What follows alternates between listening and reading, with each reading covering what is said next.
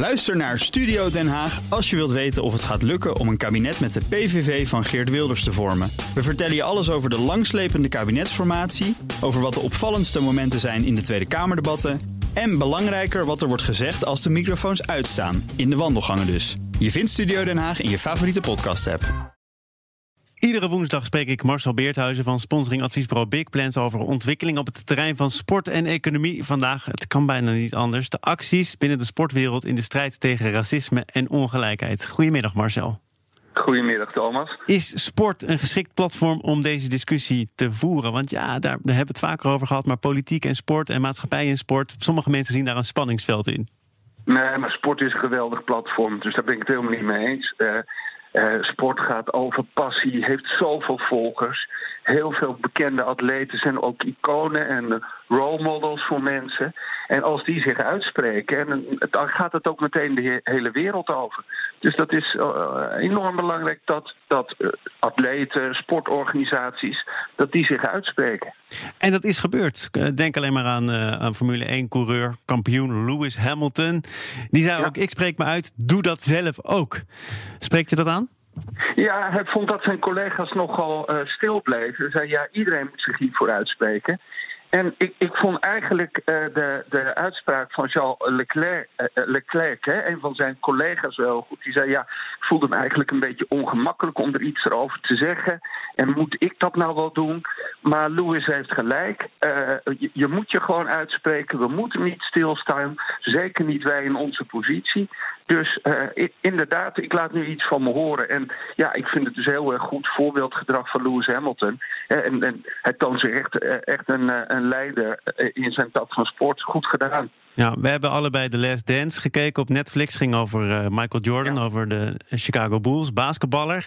Die heeft heel lang het verwijt gekregen dat hij zich niet uitsprak. Hè. Ja. Hij zegt zelf, het was een grap. White people buy sneakers toe. Want hij is ook nog ja, eigenaar en van een... Republicans, hè? Republicans buy oh, Republicans dat. Oh, sorry. Het, ging, het ging daarover. Werd, want, ja. ja, hij werd gevraagd om een democratische kandidaat in zijn, in zijn staat te ondersteunen. Dat deed hij toen niet. Nou, dat nee. was 25 jaar geleden. Hij heeft zich altijd redelijk onthouden van uitspraken. Maar nu heeft hij zich ook uitgesproken. Ook 100 miljoen ja. dollar in een pot gedaan. precies, precies. Ja. Maar zegt dat iets over de veranderende tijd? Dat ook Michael Jordan, die zegt... ja, ik was gewoon met sport bezig en daar wilde ik me op richten. Hij is nu natuurlijk ook niet meer actief. Maar hij is nu juist een van degenen die zegt... ik spreek me uit, ik stel geld beschikbaar... Ja, zeker als je kijkt ook naar de geschiedenis. Hè. Het was al in 68 dat de twee uh, uh, zwarte atleten hun vuist opstaken. Ja. En, die zeiden eigenlijk toen al Black Lives Matter. Uh, hè, dat was tijdens de Olympische Spelen. Stonden op het podium, ze hadden goud en, en brons gewon, gewonnen. Colin Kaepernick hebben we het ook vaak over gehad. Die knielde in 2016.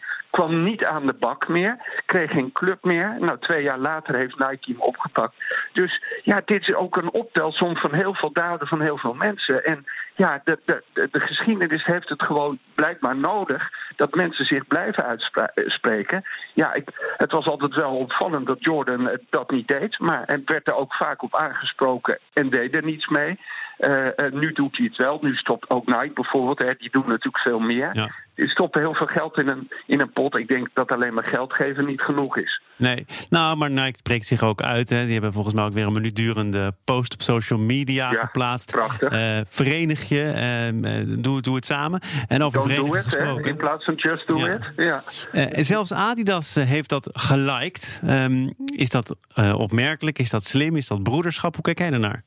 Ja, dat vond ik prachtig. Hè. Dit, dit is natuurlijk, het zijn twee van die merken die altijd met elkaar in zwaar gevecht zijn.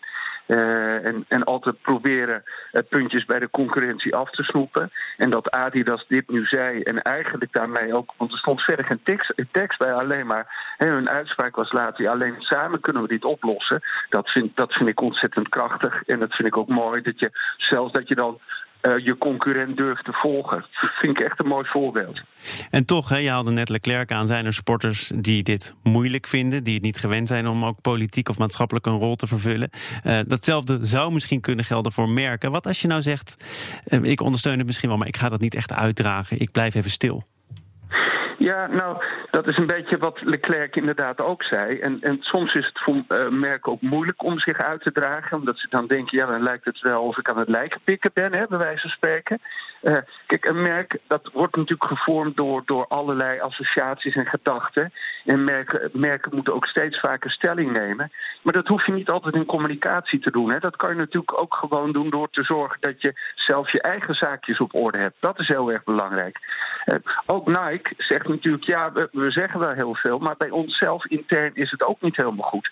Dus ik vind het mooi als merken zich uitspreken. dat is mooi, want dat laatste wat je zegt is heel belangrijk. Dat is namelijk dat je je eigenlijk als bedrijf voor kwetsbaar durft op te stellen. Ja, dat is de essentie daarvan. Ja, ja, maar ik vind niet dat ieder bedrijf moet eh, eh, een hoeft te plaatsen en dat soort uh, zaken.